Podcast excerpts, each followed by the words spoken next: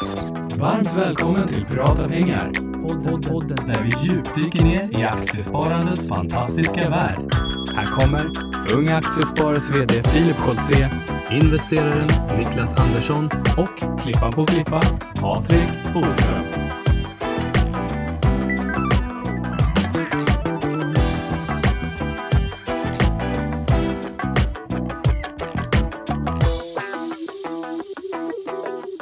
Det är avsnitt 75. Ja, Härligt. och börsen smyger upp. Ja, det är bra Niklas, för nu säger vi äntligen måndag och det där kommer, det, där, det, det blev en bra inledning tycker jag på den här podden. Att börsen smyger upp. Börsen smyger upp. Det är eh, för oss fredag morgon eh, och det är den 2 juni. Klockan har precis passerat eh, 9. Vi brukar ju eh, spela in eh, vid 7.30 ungefär de här fredagmorgnarna, men idag blev det lite sovmorgon Niklas. Ja men idag blir det lite och jag kan ju säga som så här att jag känner mig mer trött nu än vad jag brukar göra när jag kommer hit 7.30 även om jag inte är en morgonmänniska. Kan det bero på att du har varit pappa en vecka nu? Det kan det bero på. Hon fyllde ju en vecka här igår och det har ju varit, eh, sömnen har ju lyst med sin frånvaro. Sömnen har ungefär varit lika eh, vanlig som en bear market den senaste tiden. Det var lite roligt för att bara för några minuter sedan så, så satt du och stirrade på mig och så tittade jag på dig och bara Niklas vad är det? Liksom, har jag gjort något? Och du bara nej jag bara fastnade med blicken. så att eh, det, jag förstår Niklas. Välkommen till pappalivet då. Jag har ingen aning om hur det är men Stort tack. Nej men det har, det har varit trevligt och sådär. Nu har det varit lite sjukhussvängar för det har varit lite komplikationer och så. Sen har jag varit och smygjobbat lite grann. Mm. Det varit lite inspelningar av Avanza Play och sen har jag varit på någon Avanza Masters, en golftävling och, och modererat lite aktiedebatt igår. Så det har varit en jäkligt rolig vecka på det sättet.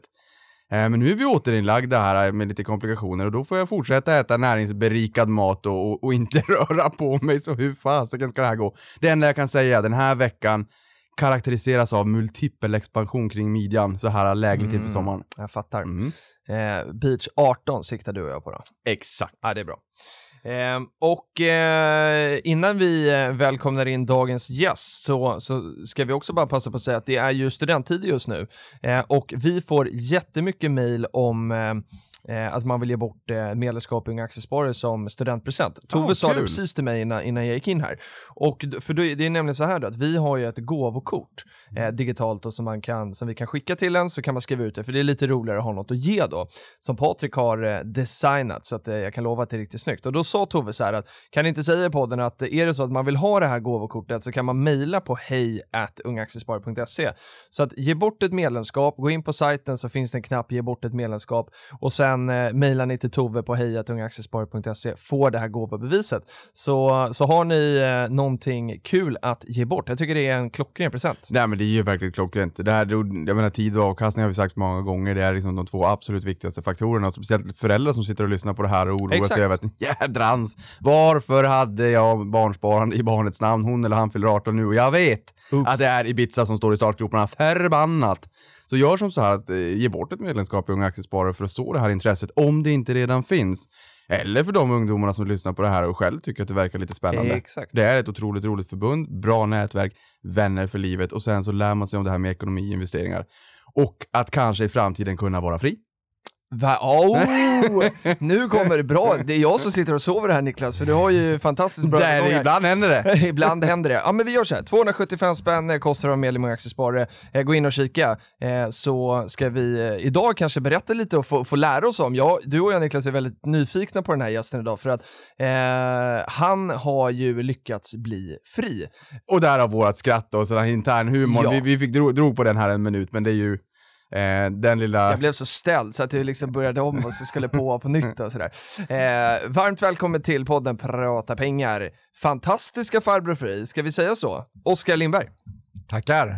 Kul är det fantastiska farbror Fri eller bara farbror Fri? Vad? Ja, farbror fri kanske. Jag tror att det var så för ett, för ett år sedan ungefär, lite drygt ett år sedan nu när jag blev fri. Då kände jag mig lite som en superhjälte. Då hade vi jobbat på det här ganska länge och äntligen var man ute. Nu känner jag mig mer som en, en vanlig kille som kanske bara har gjort lite ovanliga och bättre val. Så att jag vet inte, super, superhjältedräkten kanske inte sitter lika tight men Vi, vi hade ju faktiskt eh, en på våran kongress, jag tror att det var Magnus eh, uppe från, från Dalarna också, som, eh, som var utklädd till, för vi hade super, superhjältetema, och han var ju utklädd till fantastiska farbror Fri.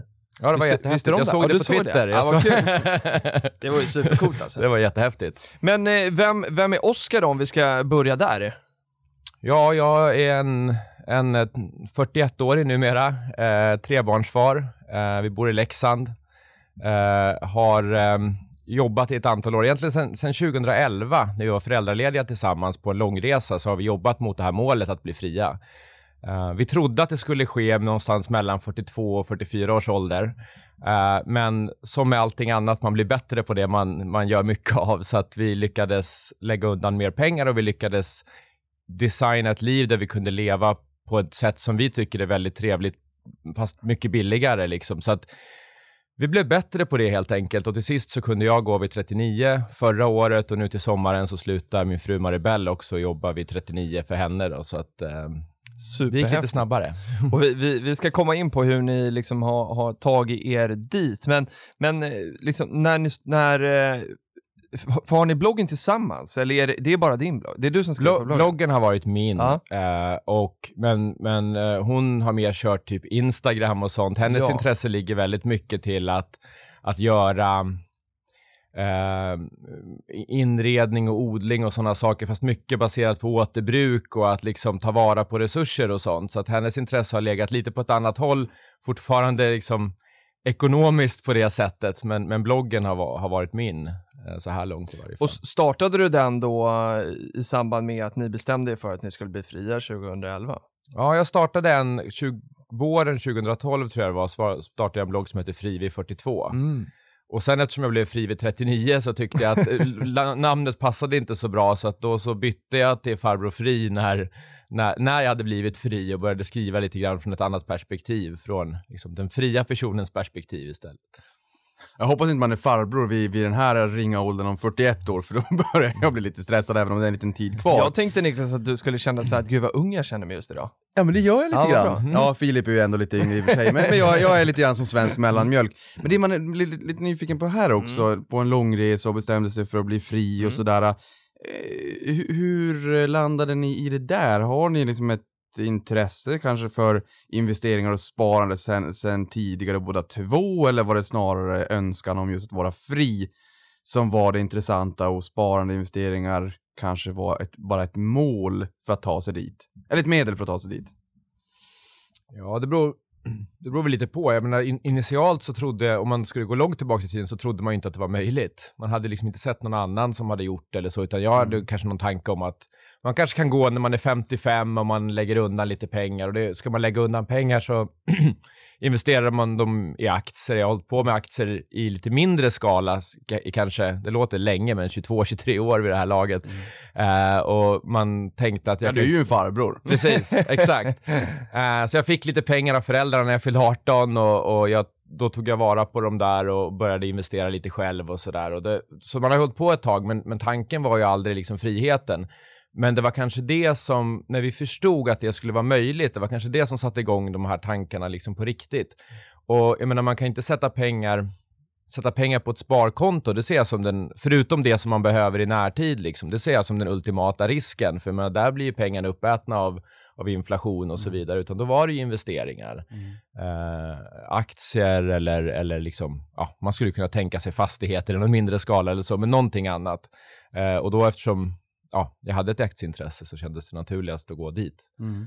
Tror du att det var det också som gjorde att du visste att det var möjligt? För att du visste att för att jag tänker, om ni hade skulle göra den här resan med, med ett sparkonto på 0,5 sådär liksom, eller 1% så hade det ju varit mycket svårare. Var det liksom kunskaperna kring aktier som, som, som gjorde att du ens kände att det var möjligt att nå hit? Jag skulle nog säga så här, jag menar de som, de som inspirerade mig ganska, eller den som inspirerade mig kanske allra mest, det var en mm. amerikansk bloggare som heter Mr Money Mustache. Okay. Och eh, hans, hans budskap är ju att köp indexfonder, så löser sig resten. Mm.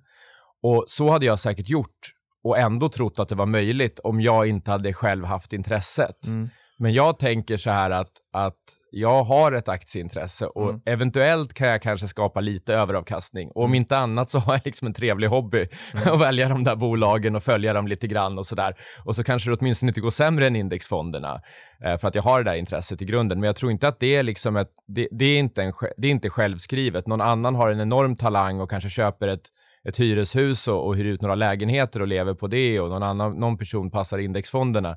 Men för mig kändes aktier, jag har alltid haft svårt med fond, att liksom få intresset för fonder för att det är så långt från från verkligheten. De här bolagen kan man ändå se var de finns och är det ett kraftbolag kan man, kan man liksom vara kund hos dem eller vad det nu än är så, här, så kan man liksom förstå vad de gör. Medan i fonden där, där är det liksom 300 bolag, små, små innehav i varje och man vet liksom inte riktigt vad Men det där det gillar är. vi ju. Mm. Alltså det där gillar vi att höra Niklas. För att det är ju vi, må, många känner nog att så här, och, och, alltså fonder, det är inget dåligt överhuvudtaget, men att det, det du är inne lite grann på är att det är ganska tråkigt och, och steget till att, eh, att liksom kunna köpa aktier är ju inte så, så långt liksom. Nej, men det är väl kanske därför man också gillar att köpa lösvikt- lösviktsgodis Exakt. snarare än att köpa Tom och Jerry-påse just för att man får ju med allting. Man kanske får med små, små eh, innehav eller godisar som man inte gillar eller ja, men det blir lite samma. Man får liksom inte sätta ihop det riktigt själv och det blir ofta väldigt, väldigt brett. Det blir liksom, det är som att hälla för mycket vatten i den här tillbringaren med saft. Det smakar inte så mycket. Nej. Och har man ett, då ett intresse också så är det ju mycket roligare att faktiskt plocka ihop de här aktierna själv,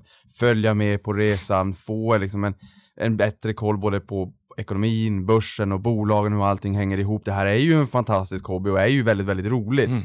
Och sen är det precis som vi säger här vid sidan av så, så är det allt som oftast också en ganska lönsam hobby. Men om vi, där när ni bestämde er för att liksom, nu ska vi bli fria, kan du liksom konkretisera, vad betyder det här? Och ni landade i att ja, men, vi kan nog eh, gå i pension runt 40 istället för 55. Vad var målet? Vad visste ni att så här, det, här måste, det här målet måste vi nå då? Och hur skulle ni liksom ta er dit? Från början så utgick vi från vår egen ehm, budget och så sa vi att ja, men, så, så som vi lever nu så kan vi leva väldigt bra, väldigt bekvämt för runt 25 000 i månaden med hela familjen och så. Mm. Så tänkte vi så här, men då behöver vi 25 gånger det eh, för att kunna gå i pension. Varför Eh, 25 gånger det? Ja, för, för vi kan ta ut 4 om, om vi ska tro på att den här gamla beprövade 4 regeln som talas om ibland ska, ska fungera, då behöver man gärna. 25. Jag tror inte alla har koll på den. Ja, tan tanken är att om man har investeringar där huvudsaken ligger mot där huvuddelen ligger mot börsen, men, Mm. men även lite ränteplaceringar för Mm. att liksom balansera ut, så ska man eh, kunna ta ut 4% av ett kapital år efter år under, under i princip evighet utan att kapitalet minskar i värde. Okay. Och det ska också funka inflationsjusterat Mm. och så vidare. Och det, det har visat sig faktiskt funka bäst i USA och Sverige av alla delar av världen. I andra länder har det varit lite mer volatilt, lite svårare marknad, så där har det varit att man kanske måste vara lite mer flexibel. Mm. Eh, sen så har vi märkt att vi kan faktiskt leva på lite mindre än det, vilket både gjorde att vi kunde sätta undan mer pengar, eh, men också gjorde att det liksom gick snabbare att uppnå den nivån som vi behövde komma till. Så över tid så kunde vi minska ner. För vi förstod att en del av de kostnaderna som vi har är ju relaterade till arbetet. Man ska åka till och från arbetet, man ska ha kläder för arbetet. Även om man försöker ta med sig matlåda så går man ut och äter på Mm. jobbet ibland och sådär. Så vi förstod att, att vår budget som pensionärer eller som fria skulle bli mycket lägre. Eh, och, och, och vi hittade sätt att bli mer sparsamma under Mm. vägen också, så att vi lyckades lägga undan mer pengar snabbare och då blev det ju liksom lite turbo i den där. Men så första beslutet var någonstans då att räkna ut vad, hur, hur mycket pengar måste vi ha för att kunna leva liksom som fria per månad och sen ställde ni om ert liv då och levde efter det redan därifrån alltså? Ja, så, så när som på att vi har en del kostnader som relaterade till jobbet. Mm. Vi räknade med att Okej. det drog ungefär ett par, tre tusen per person för Mm. oss. Eh, Jobbrelaterade saker. Man, har, man har barnen på dagis mycket mer, vilket innebär en kostnad. Man åker mer bil, man eh, drar lite kostnader så. Så att förutom det så, så anpassade vi oss till det. Mm. Och liksom också på det sättet har känt på vad innebär det här livet? Det här, det här är ett liv som vi trivs med. Det är inte så att vi har dragit åt svångremmen liksom maximalt under ett antal år för att sen bli fria och leva i lyx, utan vi ser den ultimata lyxen är vår frihet och vår tid som vi har nu. Och det finns otroligt mycket saker som man kan göra eh, med liksom liten eller i det närmaste ingen kostnad när man har gott om tid, eh, som är enormt trevliga att- att syssla med. Så att, men det jag vill komma åt lite grann är, ha- hade, när ni liksom skulle ställa om, hade ni, och, och liksom spendera då mellan 25 och 30 000 kanske då i månaden, eh, hade ni innan, spenderade ni liksom 40 innan och, och liksom behövde dra åt ordentligt, eller, eller hade ni, levde, redan, levde ni liksom ett, ett liv innan där, där ni spenderade ungefär så här? Det jag vill komma åt är, så här, Ja. blev det en stor förändring för er? Vi gick ifrån att, vi gick ifrån att, jag menar det är ju jättebra, det är inte många som kanske gör det, men vi gick ifrån att spara ungefär 30% av inkomsterna, Mm. vilket hade skett lite så här nästan bara, bara utan tanke sådär. För att vi, vi, hade, vi hade hyfsade inkomster och inte så höga kostnader och vi såg inte riktigt var, sku, var skulle vi spendera de här pengarna som skulle addera värde för oss. Nej. Men så gick vi från att spara 30% till att spara 70%. Så att vi sparade ungefär hälften av den, lite drygt hälften av den lägre av våra löner från början och på slutet så levde vi på mindre än den lägsta lönen av våra två. Så vi, det gick ju från att, så på nu på slutet, senaste ett och ett halvt åren har vi i princip levt på 70% av en lön, Okej. medan frun fortfarande har jobbat. Så det, det, det. det är ju... Så nu har vi 30% sparade på en lön och innan vi började den här resan hade vi 30% sparade på två löner. Men vilka, för att man ska få med sig lite tips då, vad var det när ni gick från 30 till 70? Det är ju det är helt fantastiskt. Eh, för bara liksom 30% brukar ju jag och Niklas säga, det är ju, det är ju en jättebra liksom sparkvot. Men vad var det ni liksom, vilka kostnader var det som fick stryka på foten mellan de där 30 och 70? Framförallt skulle jag säga att vi, vi eh, det jag ser att man ofta gör eh, när man inte riktigt tänker efter, det är att man inte riktigt väljer.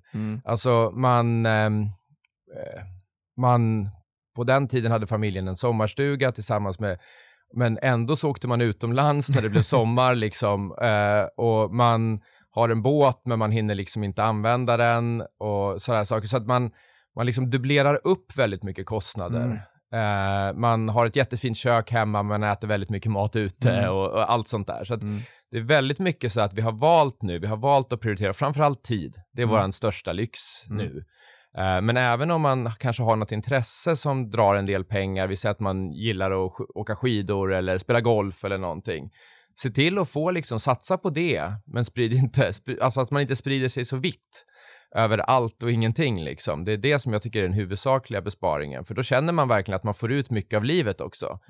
Eh, däremot om man, om man liksom bara ska gå ner på det absolut minimala, att jag bara äter och sover, då blir livet rätt tråkigt. Absolut.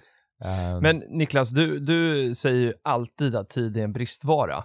Eh, och så sitter Oskar och säger att liksom, tid är, en, liksom, det är den eh, ultimata friheten någonstans. Blir inte du, känner inte du lite så här, fan det där vill jag, dit vill jag. Ja men alltså tiden är ju den ultimata valutan, så är det ju. Ja. Eh, och det är ju det som vi brukar säga, liksom att ingen vet hur lång tid vi har här på jorden. Jag har hört det här förut, ni får ja. höra det igen. eh, men att man, och pengar gör ju att man kan leva livet på det sätt man vill, inte Mm. måste. Och därför tycker jag ju så att börja i tid, eh, tid och pengar, eller tid och avkastning, börja i tid, få upp intresset, börja investera och sen precis som vi säger här, de kostnaderna kanske inte riktigt är jättenödvändiga. För det finns ju rätt mycket kostnader om man börjar tänka efter, precis som Oskar säger, om man börjar tänka efter och att göra aktiva val. Mm. Och att man så säger, ja, jag vill konsumera det här. Ja, men gör det då. Mm. Eh, och så nej men det här behöver jag inte. För då kan man ju skära i kostnader som eh, egentligen inte eh, förbättrar livskvaliteten. Nej. Eller om, om man drar ner de kostnaderna så Mm. snarare försämrar det inte livskvaliteten. Nej. Men jag håller med om att, om att eh, tiden är liksom, eh, ja, jag tycker att det är en bristvara, men det är ju för att jag är tidsoptimist och har ju 50-11 järn i elden och tycker ju att den, de tillfällena man har tid och kan unna sig att titta på Netflix eller läsa en bok Mm. är ju fantastiska. Men samtidigt, jag älskar mitt jobb, jag älskar det jag gör. Hade jag inte gjort det, då, då hade det nog varit en helt annan femma. Ja, för det är det jag tänker här och, och det är den liksom eh, Jag ser det inte ens som ett vill få igång. Nej men det, är- det är den diskussionen jag vill få igång för att eh, om, tiden är liksom den ultimata valutan och det är det som, eh, so- som man vill ha möjlighet att kunna göra vad man liksom vill med. Kände du då Oskar så här att det, eller du och, eh, och din fru, kände ni att det ni gjorde mer tid när ni var i ekorrhjulet, alltså att man, man, eh, man behöver jobba för att liksom tjäna pengar. Kände ni att så här, ja, men, jobbet är inte tillräckligt kul, det är inte det vi, vi vill göra om vi fick önska med vår tid? Var det därför ni ville liksom ta er loss? Alltså det är klart att det finns, alltså det, det jag tycker kanske är att det ofta kan bli så, mitt, mitt jobb var, var riktigt roligt och jag kan nästan inte tänka mig ett, ett jobb som, som ekonom som skulle ha varit roligare än det. Men det är fortfarande så att jag har definierat Vad gjorde du någonting. för något då? Eh, jag jobbade med investerarrelationer Mm. på ett stort svenskt företag. Mm. Eh, och jag kan nästan inte tänka mig någonting roligare än det inom ekonomiskrået så. Men ändå så tyckte jag att, att ungefär 50% av jobbet var liksom färgglatt och roligt. Man träffade människor, man pratade med massor med intressant folk och man kommunicerade, man tog fram liksom presentationer, försökte förklara företaget på ett bättre sätt och sådär. Men sen andra halvan, det var vad jag kallade för grå tid.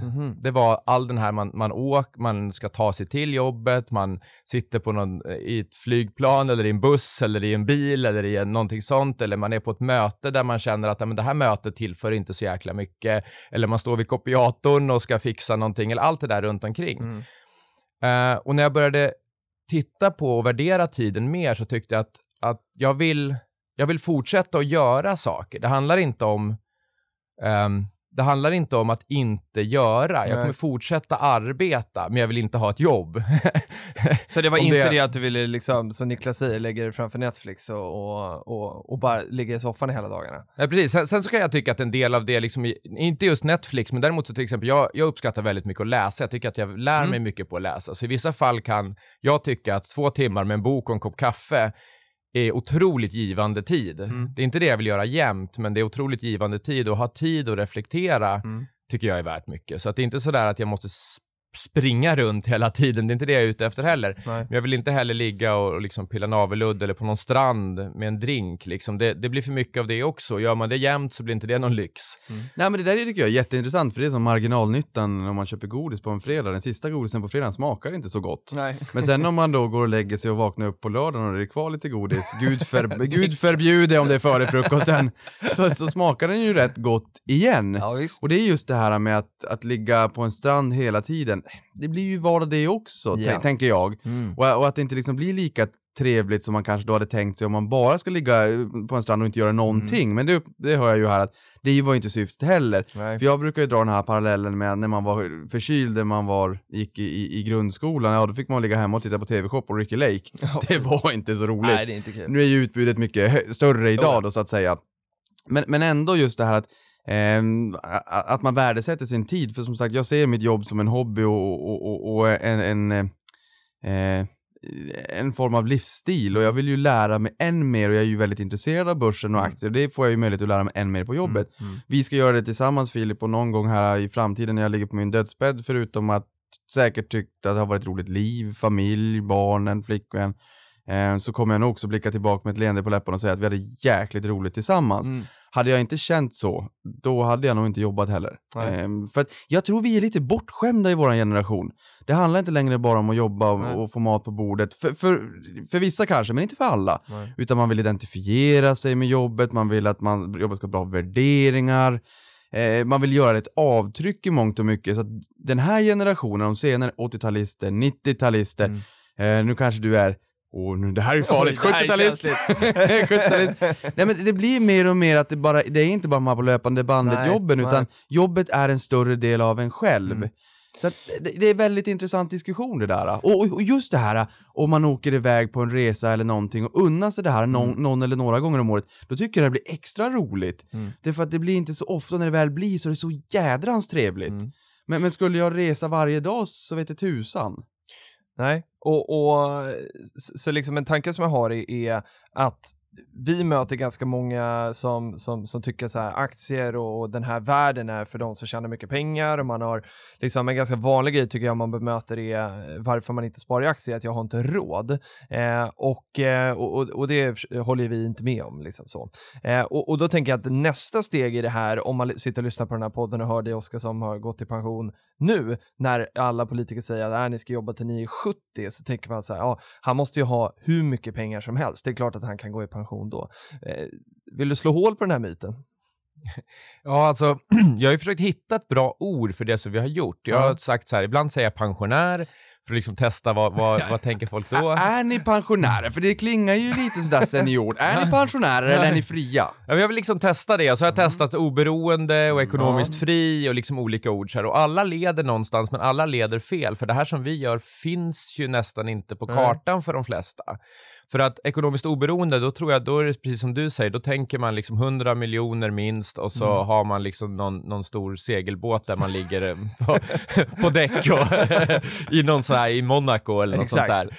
Eh, och, och det är ju inte riktigt rätt, liksom, för vi lever ju, vi har ju egentligen, man skulle säga, vi har ju vi har ju kombinerat någon form av frivillig enkelhet där vi tycker vi får ut mer av livet genom att förenkla och genom att välja några få saker Mm. med liksom styrkan i det ekonomiska systemet eh, eh, som vi har, liksom, där man kan få avkastning på pengarna om man, sett, om man, om man investerar dem på börsen till exempel. Eh, så vi har ju vi har ett, ett väldigt lågbelånat hus, vi har ett Mm. litet lån kvar på det huset. Eh, sen har vi ehm, en ganska stora extraavsättningar till pension som vi har gjort över ett, ett antal år. Eh, och sen så har vi ett fritt eget kapital i aktier, fonder och, och eller aktier, det är inga fonder där, det är aktier, eh, kontosparande och lite grann hos Lendify. Mm. Ehm, och det tillsammans är ja, drygt 2,6 miljoner nu. Mm. Ehm, och, och Som är det fria som är liksom det kapitalet. fria Mm. kapitalet och tanken där är att eftersom vi lever på lite så har vi löneväxlat det som vi skulle ha betalat hög marginalskatt på eh, och ehm, så kommer vi leva på det här kapitalet som vi har nu. Eh, då finns det vissa som säger så här, men ni kan inte räkna in boendet i det här för Mm. att det, det kan man inte, man kan inte äta upp sitt boende. Men då tänker vi att vi är väldigt flexibla kring vårt boende. Vi har en stuga på tomten som vi just nu hyr ut. Eh, längre fram så kan det kanske vara ett kontor ett tag, sen kan det Mm. kanske vara boende för ett av barnen under en period. Vi har och vi, vi funderar på om vi kanske skulle bo utomlands något år eller några år. Då skulle vi kunna hyra ut vårt hus och där. Så att vi ser ju vårt hus också som en del av kapitalet som just nu levererar billigt boende till oss, men Mm. någon annan gång kan leverera en form av avkastning. Ehm, så att därför så inkluderar vi hel, liksom hela kapitalet i det som vi räknar som vår liksom, trygghet eller bas Mm. Eh, för det där. Så Är det billigt eh, eller, billigt eller gratis boende i och med att ni då har hyrt ut den här stugan på gården? För det gör man ju ofta i Norge har jag eh, fått för mig. Att man ofta hyr ut en del av sin bostad. Det är mycket vanligare där än vad det är i Sverige. Nä, nästintill, alltså vi, vi, vi räknar med att vårt boende som det står och går idag kostar 5 000 totalt ungefär och så får vi 3 500 för att hyra ut stugan. Mm. Så i princip så bor vi ju extremt, vi bor ju Mm. extremt billigt. Ja, och det, det ska jag säga Filip, just Mm. det här med, med frihet och sådär, det slog mig. Frihet, eh, när vi pratar om, ska man, eh, ska man ligga på stranden eller ska man bara styra över sin egen tid eller Mm. ska man jobba? Eh, och så kanske man inte ser jobbet som ett jobb. Nej. Jag skulle säga att frihet för mig är nog att man styr helt och hållet till 100% över sin egen tid Mm. och hela tiden nyttomaximerar det man gör, det man lägger sin tid Mm. på. Mm. Men sen om man är en trött nörd och tycker att jobbet är roligt, ja men då är det det man ska göra. Absolut. Men, men, men vad, vad tror ni om den? Just att styra över sin egen tid helt och hållet. Jo, men det tycker jag verkligen. Sen, sen tycker jag att eh, som är uppväxt i, i en familj där mina föräldrar var egna företagare, så är det ju liksom eh, att vara anställd eller att vara egen, oavsett om man som anställd gör det man verkligen älskar, så är det ju en, en enorm skillnad. Liksom. Eh, man har ändå, liksom, när, man, när man jobbar på ett kontor så har man ju ändå, det finns ju ändå förväntningar som man ska liksom, eh, följa. Och eh, eh, Oskar, du får rätta mig här, men, men det känns som att när du vaknar på morgonen, du kan ju liksom om du känner att nej men just idag när det är tisdag så, så vill jag läsa den här boken medan den som är anställd en tisdag behöver ju liksom ändå gå till jobbet. Det finns ju ändå liksom ramar att förhålla sig till även om man jobbar med det man tycker är kul. Liksom. Absolut, och det, det finns ofta saker runt omkring som, som inte är lika kul. Vi har liksom den här 8 till 5 ramen som oftast blir mer än 8 till 5 för, för de flesta liksom lite kvalificerade jobb Mm. sådär och det är mycket runt omkring som också binder in en som inte är den här roliga kärnan i jobbet liksom.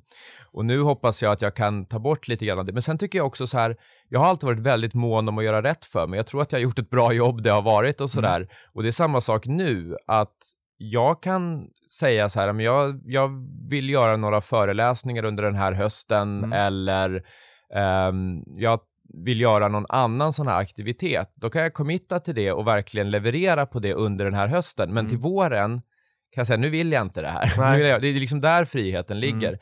Och den är ju densamma om du, om du är anställd men har ett kapital i ryggsäcken liksom, så kan du ju faktiskt någon gång, du kan ju faktiskt bestämma dig för att säga upp dig, Mm. starta något eget, Mm. liksom bli fri sådär. Så att det finns ju inget, för mig finns det inte jag tyckte inte den här anställda formen passade mig, men jag tycker inte det finns direkt ett motsatsförhållande. Nej, det gör det verkligen för att, inte. För att ryggsäcken med pengar är ändå en frihet, för du vet att den dagen som inte det här är så roligt som det var året innan, Då, kan jag göra annat. då kan jag göra något Mm. annat.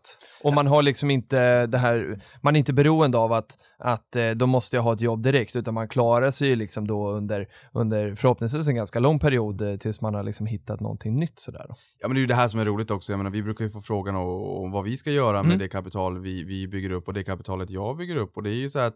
Den där dödsbädden du pratar om, du kommer bara ligga där med massa pengar och så har du aldrig använt Nej, dem. nej, men jag brukar ju prata mycket om det här med ekonomisk trygghet och att Mm. det är en, en härlig Ja, magkänsla och precis. känna att ja, men jag kan köpa det här men jag måste inte eller jag kan följa med på den här resan med vännerna.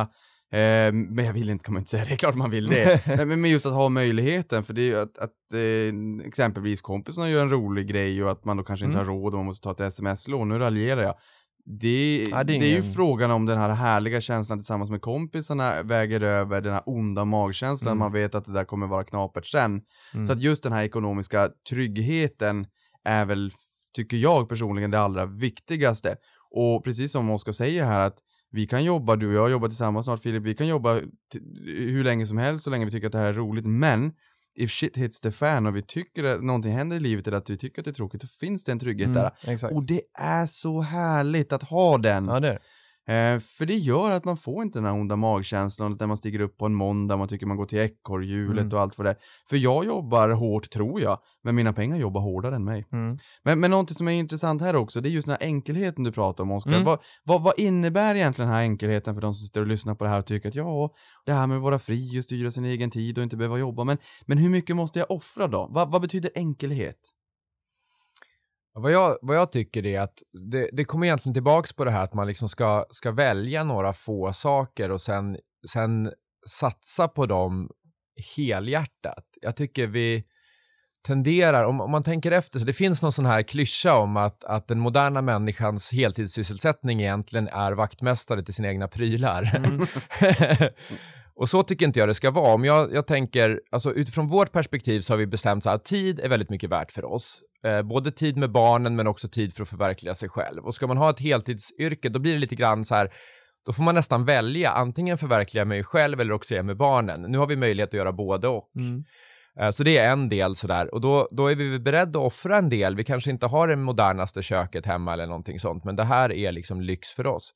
Men om man tittar utifrån ett annat perspektiv, om man skulle liksom beskriva mer hur det kunde vara för andra, för det är ju inte bara vi som, det kan, friheten kan ju se annat ut för andra personer. Då tänker jag mig så här att om man verkligen skulle tänka efter vad man vill ha och vad man vill uppnå, då tänker jag mig att eh, Alltså så här, då tänker jag mig att Sverige skulle ha hälften så många hästar men dubbelt så många ridna timmar. Mm.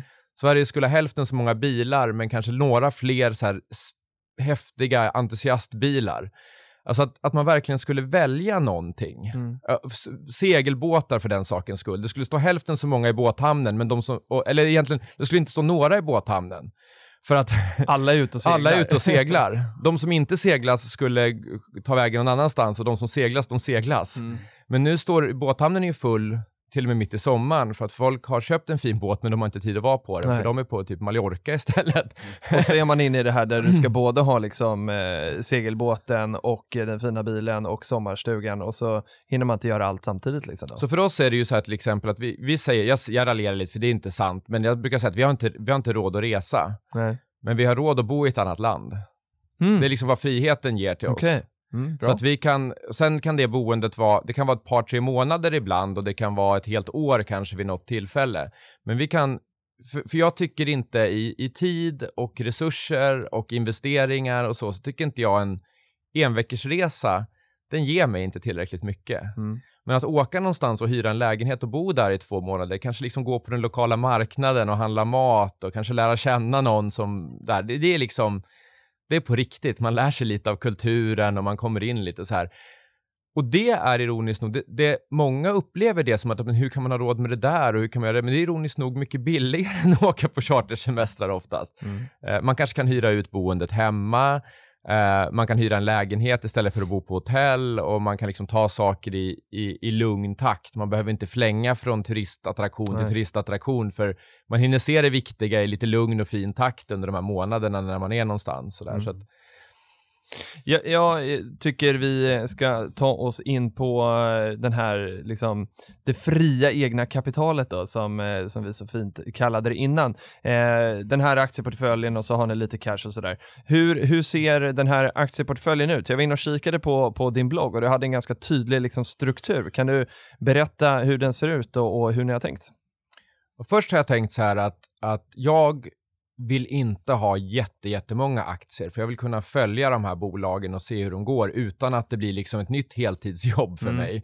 Eh, så jag, för jag tycker det är kul med bolagen, så därför ville vi inte ha så många. Och så tänker jag så här, jag kan inte gissa var världen är på väg, så att jag behöver ändå en bred exponering. Så då Mm. sa vi att om vi tar 50% av vår, vårt portföljvärde och lägger i tre investmentbolag, och då ville vi ha investmentbolag där det finns en, en stark ägarfamilj av kött och blod och tre stycken som är väldigt olika sinsemellan så att man får exponering mot precis allt liksom som man kan tänka sig nästan, både regioner i världen och branscher och så. Och då föll valet på Investor, Kinnevik och Ratos som Mm. jag bedömde som liksom stora. Det finns den där ägarfamiljen i bakgrunden och de är väldigt olika från varandra. Så det är liksom, där, där känner jag liksom att man får, den, e- den risken i de enskilda bolagen är mindre viktiga och risken tillsammans borde bli mindre för att de sinsemellan är så olika. Mm. Så det är 50% Och sen tänkte vi så här, men tänk, Och har du delat de tre lika? Är de tre lika stora? de är grovt lika stora. Okej. Mm. Ratos råkar vara lite mindre för att,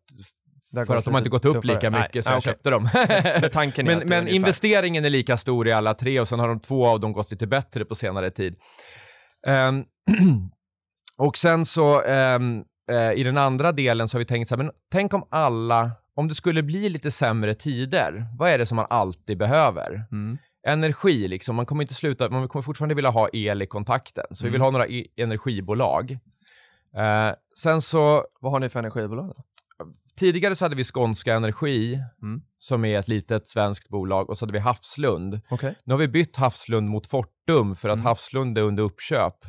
Vilket jag är jätteledsen för, för det tyckte jag var ett av mina bästa innan. Om vi skulle ha sagt ett, som jag var helt säker på att det alltid skulle ha varit kvar, så var det det. Och, och nu blev det uppköpt. Så. och de hade Förbaskat. redan 90, när budet kom så hade de redan 90 procent, så att det var liksom ingen fråga om att det skulle Nej, hända då, något då, då, annat. då är man körd. Då är det kört. Då blir man. Så nu är, det, nu är det Fortum istället och Okej. de två är ungefär lika stora där. Mm. Sen så tänkte vi livsmedel. Mm. Det kommer man också fortsätta. Sen tryckte vi med skohorn in Kopparbergs som jag har haft länge sedan de stod i 25 kronor eller något sånt Okej. där. Eh, de tryckte vi in under livsmedel. Vi tyckte lite öl vill man också ha. Exakt. eller cider. Eh, och sen så, eh, och, och där har vi också Axfood och Mm. sen Kesko som är en livsmedelshandlare och eh, har lite annat också. De har bland annat då, som finns här i Sverige. Två Eh, finska eh. innehav då? Med Ja, Fortum också då? Fortum Mm, också. mm. Och sen så har vi eh, inom, har vi boende. Mm. Tänkte vi att det behöver man. Så då, då valde vi ett fastighetsbolag som heter Wallenstam. Mm. Som har ganska mycket, ganska stor, de har lite andra lokaler också, men ganska stor exponering mot boende. En del på västkusten och en del här i Stockholm och Mm. sådär. Folk kommer fortsätta vilja bo även om det blir lite sämre tider. Eh, sen valde vi ett en, en eh, amerikanskt bolag som heter Senior Housing Properties Trust. Ehm, och de har seniorboenden i USA. Okej. Det är också något sånt där som behövs. Liksom ett högutdelande bolag och det är sådana grejer som kommer behövas.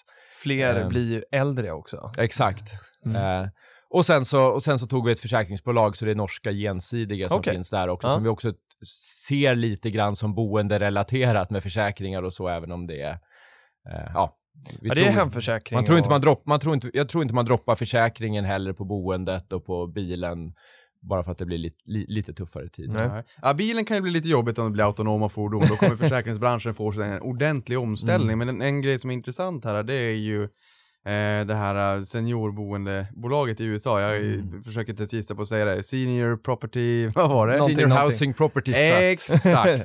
För det här låter ju som en, en rate som har eh, real, eh, real Estate Investment Trust som är lite, lite poppis i USA men finns runt om i världen i olika former. Eh, och det där har ju inte riktigt blossat upp så mycket här på den här sidan Atlanten men just bolag som måste dela ut en stor del av, av, av jag vet inte om det är resultat eller kassaflöde, kassaflöde bör det väl rimligt vara, Mm. men 80-85 eller upp mot 90 procent någonstans och då får man en helt annan skattesituation. Man eh, beskattas, i, ja knappt alls ska jag väl inte säga, men man har ganska låg beskattning om man delar ut nästan hela resultatet. Och därför finns det väldigt många den här typen av bolag i USA där man, ja man går ihop och köper ett antal fastigheter och sen så sätter man upp den här rate-strukturen och det är ganska poppis där har jag förstått. Ja, tanken, är- tanken är ju att det ska vara ungefär som att, att vara fastighetsägare själv. Mm. Men istället för att, för att du och jag köper varsin fastighet så köper vi i det här fallet ett antal hundra över 40 stater tillsammans. Mm. Ett gäng går ihop och köper det och sen delar man ut, jag tror att det faktiskt är 90% av vinsten Ja, minst, mm. eh, som ska delas ut varje år för att det ska liksom fortsätta behålla den här statusen. Men då beskattas ingenting där utan allting beskattas hos, hos aktieägaren. Ja, okej. Och det roliga här också, det vet inte om det är så, men jag träffade en, en person från Nasdaq i USA som kom till, till jobbet. Vi hade en inspelning i Play då. Och han sa att han försökte ta investeringssparkontot i Sverige till USA. Det hade varit Så jag tänker en rate och sen så lägger man det i ett ISK då. Det hade Mm. varit riktigt coolt Mm. alltså. Eller en KF här i Sverige då som man kan få Ja, tillbaka precis. skatten. exakt, exakt.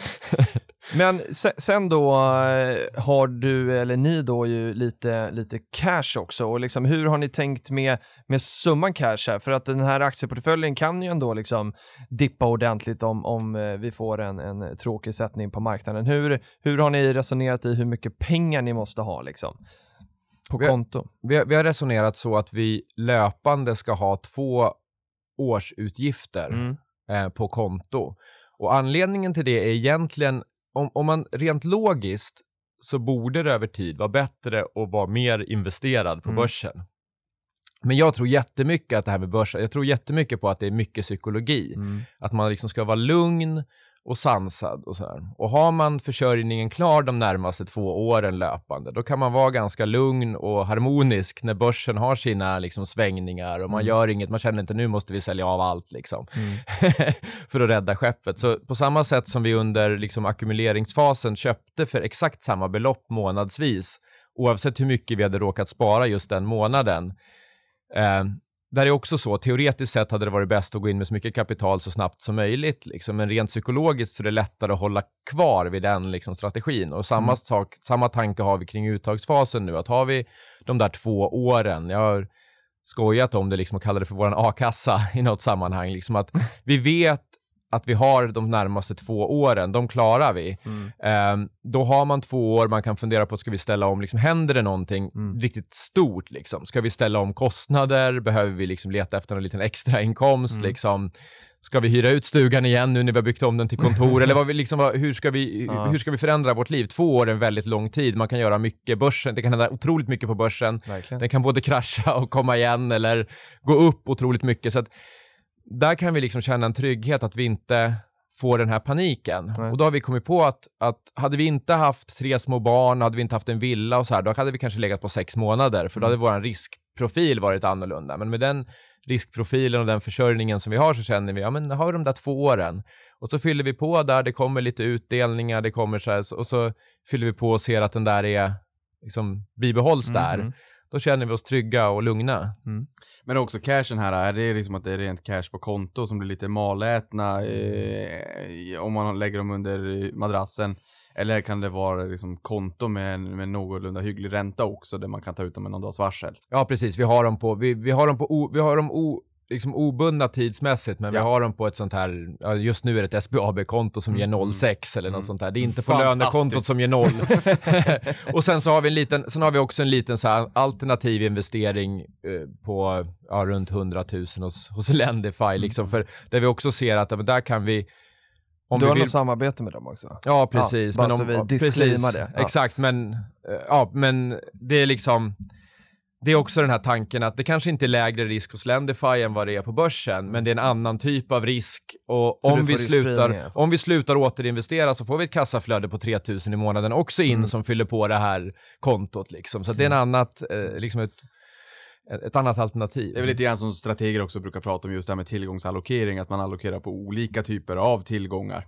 Exakt. Eh, Ja, Eh, jag funderar då på så här, eh, nu, alltså när man sätter upp ett så här mål, oavsett vilket mål man sätter upp, om det är för mig och Niklas att man ska ha någon ekonomisk frihet och, och, och liksom jag, jag bygger ju min så att jag är liksom eh, långt ifrån eh, liksom mitt mål. Eh, Niklas har kommit lite längre på sitt, eh, till sitt mål än vad jag har. Du satte upp ett mål då 2011 tillsammans med din fru och du har nått dit nu. Jag funderar på så här ibland att ofta är ju liksom längtan efter någonting det som är liksom halva grejen och sen när man väl går dit, om det sen är att man köper ett Playstation eller vad det nu skulle kunna vara, smått som stort, eh, så, så liksom börjar man ju längta liksom efter något nytt. Hur känns det nu när du liksom har nått ditt mål? Känns det som att så här, ja men det här var det, det, var, det var rätt eller börjar du känna det så här, fan jag saknar ändå eh, ett jobb att gå till kollegorna och liksom, blev det som du hade hoppats?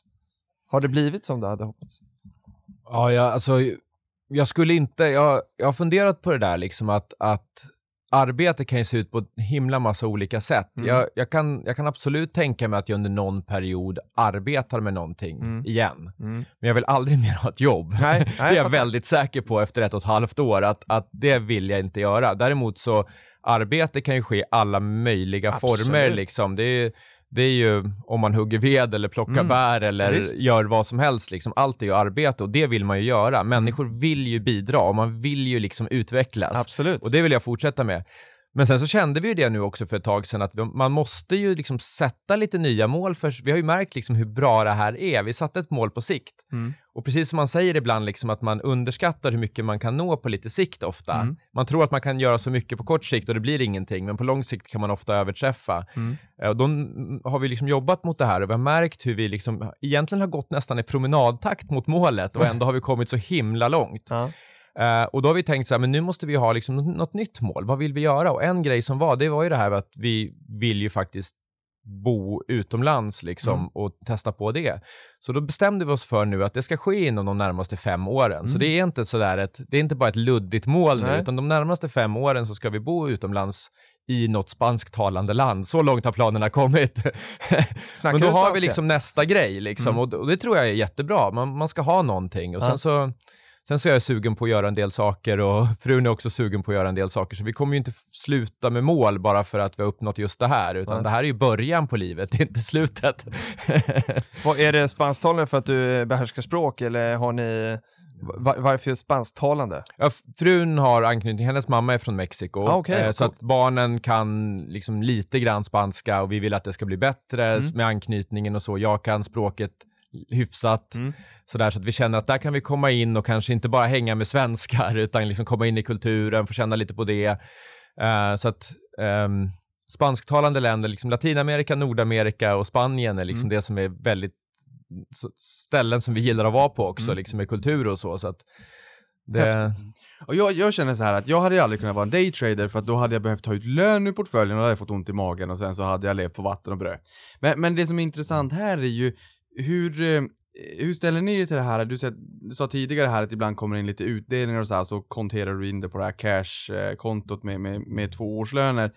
Eh, tar du hela, eller tar ni hela utdelningen eller naggar ni lite grann på portföljen? Eller, hur, hur gör ni där? Hur managerar ni de här tillgångarna så att de faktiskt kanske kan växa lite grann trots att ni ändå får ut lite slantar och, och, och använda för ert leverne. Men jag tänker så att man inte, man inte dödar själva pengamaskinen utan att den får fortsätta att stärka sig vidare. För jag menar, Warren Buffett, han byggde upp största delen av sin förmögenhet efter 60. Just det här med den här kraftiga ränta på ränta-effekten. För, för dödar man portföljen idag så kostar det oerhört stora pengar i förhållande till vad man kan ha i framtiden. Även om vi ska lägga in en disclaimer att ni är ju nöjda idag, liksom, ni, ni har ju uppnått den här äh, nirvana-känslan av frihet. Hur, hur ser du på det där? Alltså jag tittar ju på, jag tittar på hela portföljen och hela, liksom, eller jag ska säga, jag tittar ju på hela kapitalet. Vilket gör att vi har ju en väldigt stor del ändå av de här, eh, av, av pensionerna exponerade mot aktiemarknaden. Och jag tittar på hur hela den portföljen utvecklas över tid. Eftersom det är pengar som vi ska röra när vi någonstans mellan 55 och 60 eller Mm. liksom när vi kommer dit. Så ser jag att de, de fortsätter att öka. Det här fria egna kapitalet kommer eventuellt, lite grann beroende på utfall och så, eventuellt minska lite grann under den perioden. Eh, och det, det är vi fullt medvetna om, därför att det har liksom passat oss att planera på på det sättet. Men då tittar jag på hela kapitalet och det ska inte, åtminstone inte minska om det växer till. Sen tyckte jag det var en rolig grej det här med, med, med, med Warren Buffett och tid och sånt. Det var någon som tweetade för ett tag sedan att Warren Buffett är ju rik, han har ju lyckats väldigt bra, men det är väldigt få 25-åringar som skulle byta plats med honom ändå. Mm. För tiden är ändå fruktansvärt mycket värt. man vill inte bli 60 år äldre, även om man får den stora pengapåsen. Nej, det är, det är dagens bästa Det- poäng. ja, det var faktiskt riktigt nej, bra. nej, man vill inte bli så gammal, men, men man, man vill väl kanske liksom att kunna gå igenom livet och inte göra avka, avkall på livskvalitet och göra det man verkligen känner berikar en eftersom att livet med veterligen inte går i repris. Eh, samtidigt som man också vill kunna konsumera och ha ett, ett fint leverne även i framtiden och en, en portfölj som växer över tid borgar ju och ger ju en trygghet. Mm. Så att även om man inte vill bli, eh, vad är han, 86 nu tror jag? Även om man inte vill bli 86 precis här och nu, så här, pang på en gång, så kommer vi onekligen dit vare sig vi vill eller ej över tid. Mm.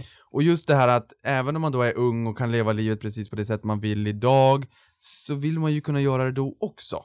Och absolut, och då, då är det ju den här tanken med att liksom att, att ehm, man tittar då på hela portföljen och den är exponerad. Jag menar, det är också så att det är ju lite, den här pensionsportföljen är ju lite högre risk, det är lite mer tillväxtmarknad, det är lite mer sånt, medan vi, som jag sa nu, liksom, vi har tagit ganska låg risk i den här portföljen som vi ska använda i närtid, men då måste man se liksom hela kapitalet där.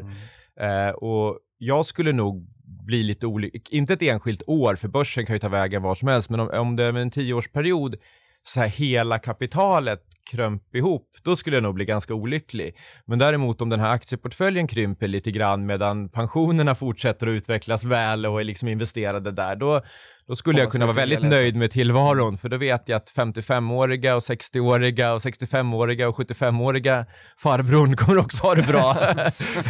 En, eh, en annan som är nöjd med tillvaron är KFM till miljonär. Kommer du ihåg Niklas när du och jag, eh, vi, vi fick en fråga från den här personen någon gång och så, och så skulle vi försöka komma på vad det här KFM stod Ja, för. exakt, för jag tänkte på det igår! Ja, och jag med, för att- Förstod då. Ja, exakt. För att KFM till miljonär skrev så här på Twitter då att från Kronofogden till miljonär har från och med torsdag noll kronor i skuld slash lån. Nu börjar sparandet på riktigt och så är det en glad smiley, hashtag prata pengar. Så KFM var alltså Kronofogdemyndigheten eh, och eh, det borde ju du och jag ha, ha greppat kanske Niklas. Men det här är ju superhäftigt eh, och, och visar ju också på liksom hur man, man sätter upp ett mål och så kan man nå dit och, och jag tror att eh, eh den här personen känner då en enorm frihet då att, att ha liksom nått till den där nivån och eh, vi kan ju bara gratulera, super super häftigt eh, och kul att eh, du delar med dig. Och det här var också eh, faktiskt det som var, var lite tanken i vårt senaste nummer av Stock Magazine, vår medlemstidning, där,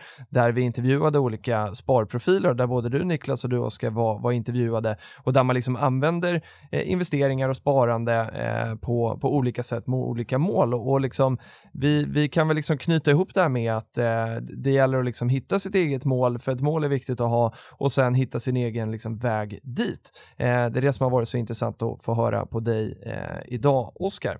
Eh, och nu är det dags för en annan eh, spännande grej och det är eh, Niklas nyhetssvep. Ja, och just det här med mål kan jag ju bara säga, det är ju liksom som en polstjärna i, i, i ens egen värld så att säga. Polstjärnan är den som starkast, klarast lysande stjärnan på natthimlen.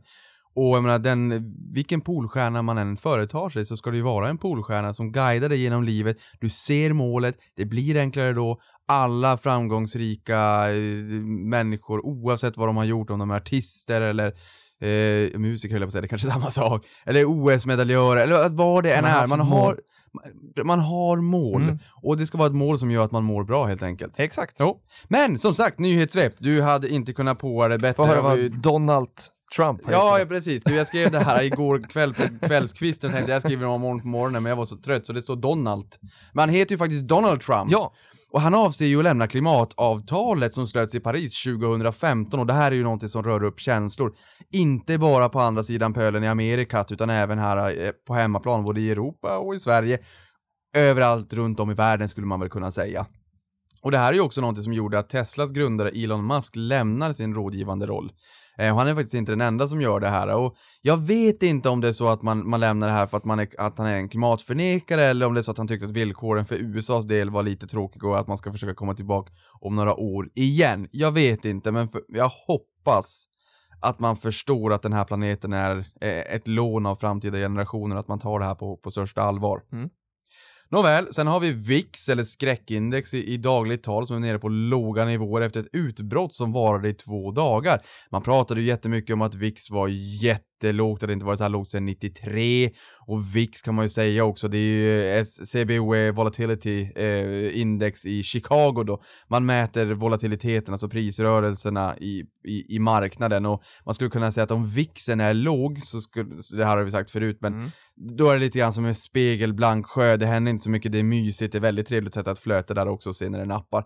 Och, och är det så att VIXen är väldigt, väldigt hög som den var när det var den här största chocken efter Lehman Brothers kollaps 15 september 2008 så var den uppe i 80, liksom extremt höga nivåer. Men nu är den väldigt, väldigt lugn åter igen då, nere på strax under 10. Men när det, när det stormade till där så rusade den 43% på, på en dag Mm. och det var stökigt i två dagar. Men nu är det lugnt igen.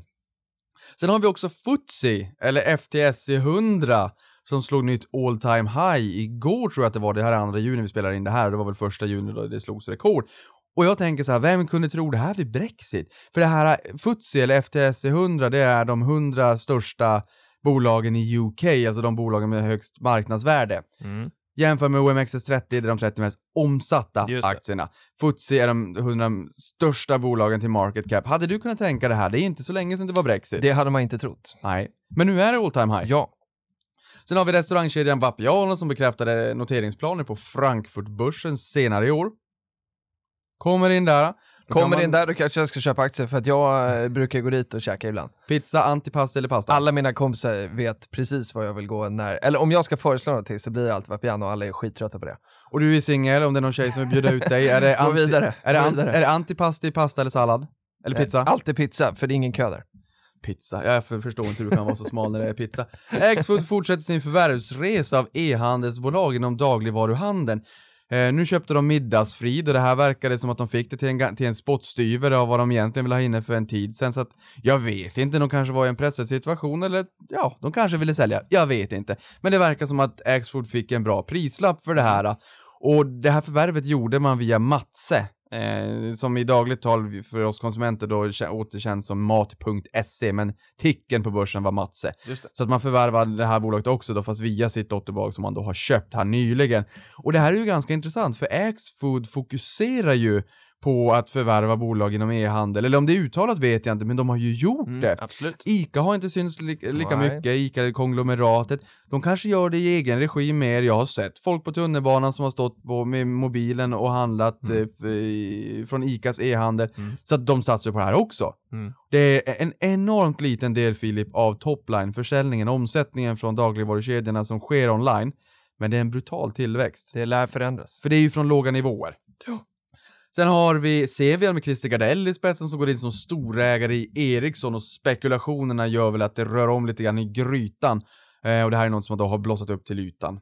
Och det är spännande att se vad som händer för de här investmentbolagen, industrivärlden och eh, Investor har ju någonstans liksom delat på det här eh, vad ska man säga, de har haft delad vårdnad kring Ericsson under en längre tid och nu kommer en riskkapitalist in som brukar vara känd för att försöka röra upp lite grann, rensa och, och, och, och, synliggöra värden. Så det här blir ganska intressant att se vad som händer. Han har seglat upp som stor ägare, han flaggat upp över 5% och folk brukar, eller det har spekulerats kring att om han ska ta en, en, en normalstor position så kan det vara så att han blir största ägare. Mm. Sen är det inte säkert att man får loss de här blockaffärerna heller. Alltså liksom normalt blocken stor för vad han brukar ta Ja. alltså? Okej. när de ska ta en stor position i ett Mm. bolag. Och, men det kan ju vara så att det sitter andra storägare som sitter på händerna och inte vill sälja och då kan det bli Så jobbigt. kan det vara. Eller så gör man stora blockaffärer och då är det inte så att man går till Avanza eller Nordnet och säger om jag vill köpa 100 aktier utan då får man kanske ringa runt och säga, hitta någon som har en stor post och sen så köper man dem sinsemellan. Och det här är ju någon, någonting som, nu ska vi inte sväva ut på det här Nej, för för nu ska vi prata sa- Kopparbergs. Ja, för du sa till mig att det var ett långt nyhetssvep och det var det, men jag ska försöka snabbt ta mig igenom det. Men alltså när man, pratar, när man handlar aktier på börsen, då är det ju free floaten. Ja. Det är liksom de här aktierna som, som flyter fritt. Och, och om free floaten försvinner, då är det som den här bäcken som, som eh, torkar upp och sen så rinner det inget vatten. Nåväl, Kopparbergs uppges enligt rykten testa sina produkter i 21 Walmart-butiker i USA. Mm. De finns i USA, jag såg dem på västkusten när jag var där för förra året.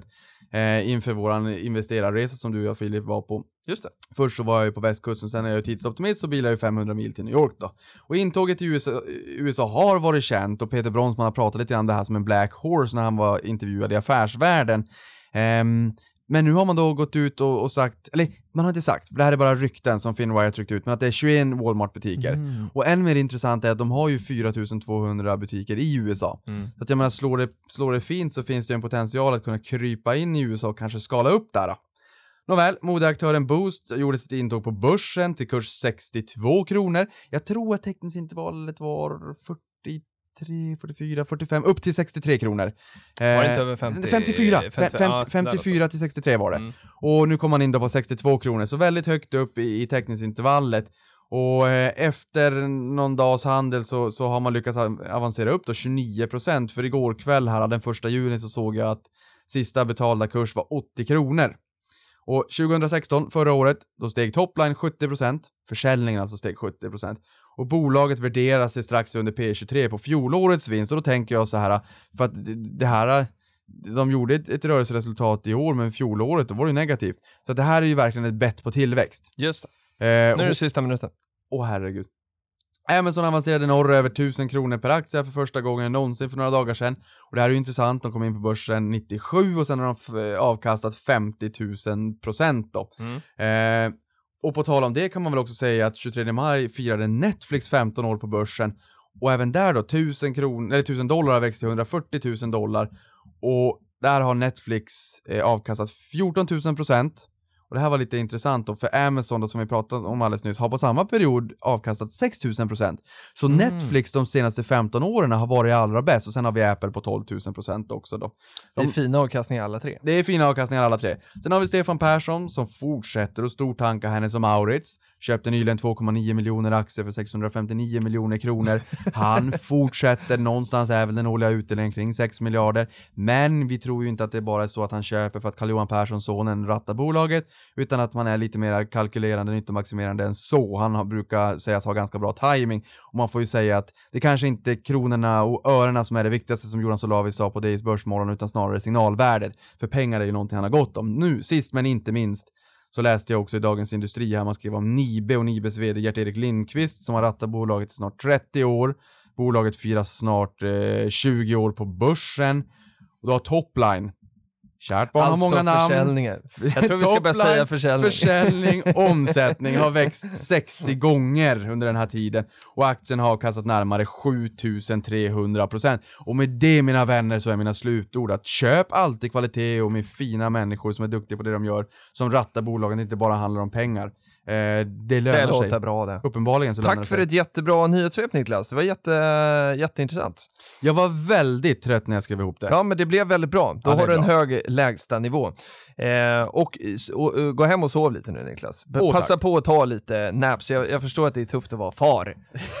men supercoolt. Eh, och jättetack till dig Oskar. Det var jätteroligt att ha med dig i, i podden. Och eh, är man nyfiken på att följa dig så kan man ju eh, kika på din blogg. Eh, finns på Tradevenue, eller hur?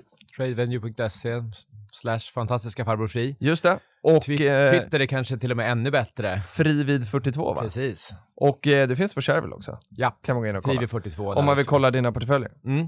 Kul! Men Men det där är ju falsk marknadsföring, för Frivi 42, det stämmer ju inte. Nej. Ja, när vi har lyssnat på det här, det är ju Frivi 39. Exakt, Precis. så det är bara fan, fantastiska farbror Fri. Hörrni, jättetack för idag, eh, ha en trevlig vecka och så tackar vi eh, Klippa till Klippa, Patrik, eh, det höll jag på att säga Patrik Tomenius, han sitter i vår styrelse, Patrik Bro, Boström. Hej då!